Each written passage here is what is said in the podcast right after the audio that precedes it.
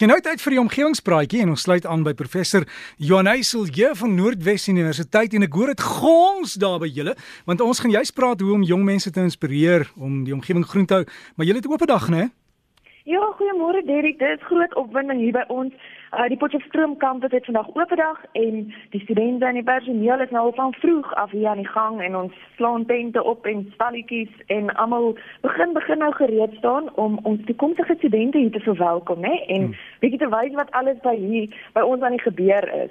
So so maar, pr jong, professor, ek neem aan jy sit nie daar in jou pyjamas nie, né? Gelukkig nie, Derek. Dit is die mooiste wat ek nog geluister het vir omgewingspraatjies. nee, is reg. Nee, ook weet ek se elke jaar hier op oop dag dan praat ons nou met talle studente wat belangstel in omgewingswetenskappe en dan as ons nou vir hulle vra, maar waarom stel stel jy nou belang in hierdie rigting?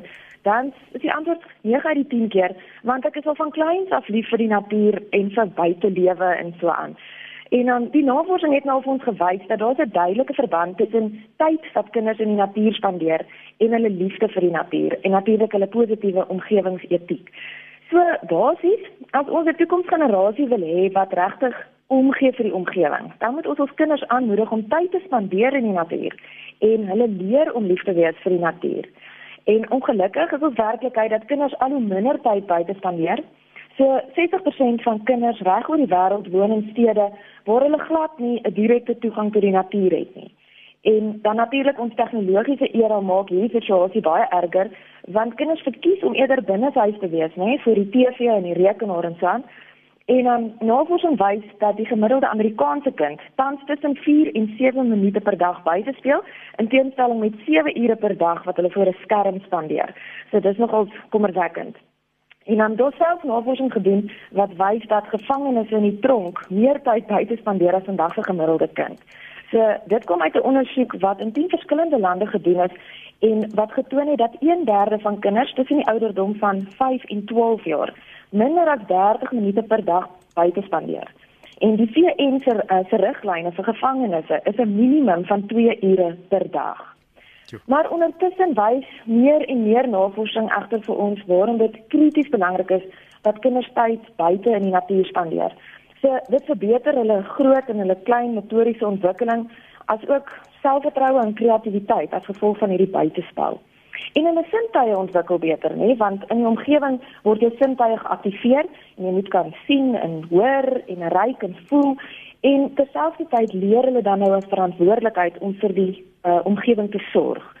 So die natuur skep hierdie unieke gevoel van wonder vir kinders wat geen ander omgewing kan bied nie. Ja, prof, prof en, en dit help ook vir hulle om hulle immuniteit op te bou want hulle hulle hulle tel goeie kieme op, né, in die proses. Dit is so direk verseker, daar's regtig daar's geen plaasvervanger vir buite speel nie en dit hierdie direkte kontak met die natuur waar kinders 'n lewenslange respek vir die natuur ontwikkel. Uh Derek, maar jy sal onthou prof Kobus van der Walt het verlede jaar een keer 'n omgewingspraatjie gedoen oor groen kleuterskole, veral dan in die buiteland waar buitespel die hoof fokus is en waar kinders hierdie fisiese en sosiale en kognitiewe ontwikkeling uh, waar dit aangemoedig word deur interaksie met plante en diere. En ons sien nogals in Suid-Afrika al hoe meer en meer ondersteuning vir sulke tipe inisiatiewe. Die een wat ek graag met julle wil deel is die Natuurlewe en Omgewingsvereniging van Suid-Afrika se ekoskoolprogram. So dit is nou so 'n voorbeeld wat poog om omgewingsleer in skole regtig te verbeter. So in 2017 het 640 000 skoolleerders en byna 4.500 onderwysers deelgeneem aan die program.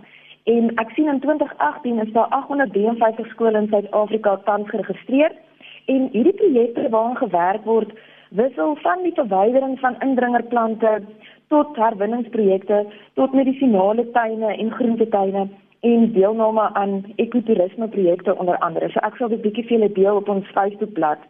Maar hierdie is werklik baie goeie nuus vir die toekoms van ons omgewing in Suid-Afrika omdat kinders hier geleer word, nê, om die natuur te waardeer en te respekteer. En dan weet ek ek dink op hierdie punt kan ons bietjie krediet gee aan een van ons groot kettingswinkels. Ek weet nie of jy gesien het hulle het onlangs hierdie My Little Garden inisiatief bekend gestel. Ja, ek het gesien ja, dit is dis baie interessant en ek het gesien as kinders wat hulle maas pla om om te gaan kyk. Ja, vreeslik, maar dit is regtig nog ons oulik. So dit is 'n versameling van 24 klein plantjies en groente en blomme en kruie en dit is in 'n bio-afbreekbare pot En dit moedig dan nou die kinders aan om self die plantjies te plant en te versorg.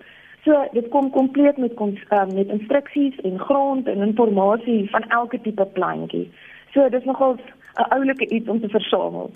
Um en is hierdie tipe inisiatiewe wat kinders konstruktief besig hou en dan nou in hierdie proses vir ons klein omgewingsvriende kweek, nê, wat hulle nou liefmaak vir die natuur.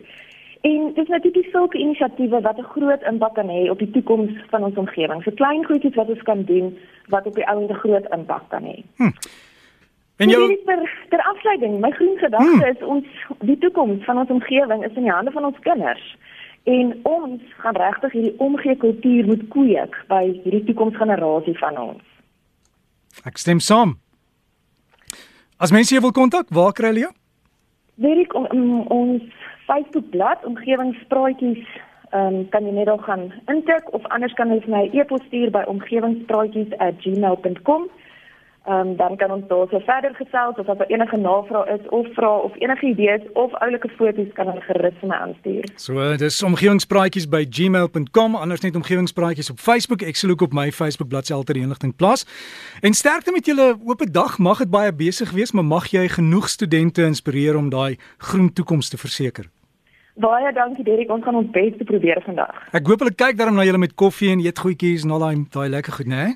Ja, kyk, dit is vandag een van die beste dae om op kampus te wees. Almal wat in die omgewing is, julle kan gerus 'n draai kom maak. Sê vir my, ek het net gehoor uh, uit julle kantien ook slap chips met sous.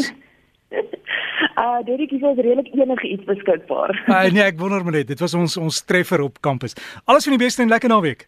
Baie dankie Derek, selfde vir jou. Baie dankie. So gesels ons dan met professor Johan Heiselje van Noordwes Universiteit en net gou daai e-pos weer as jy wil inligting deel of iets het, is omgewingspraatjies by gmail.com.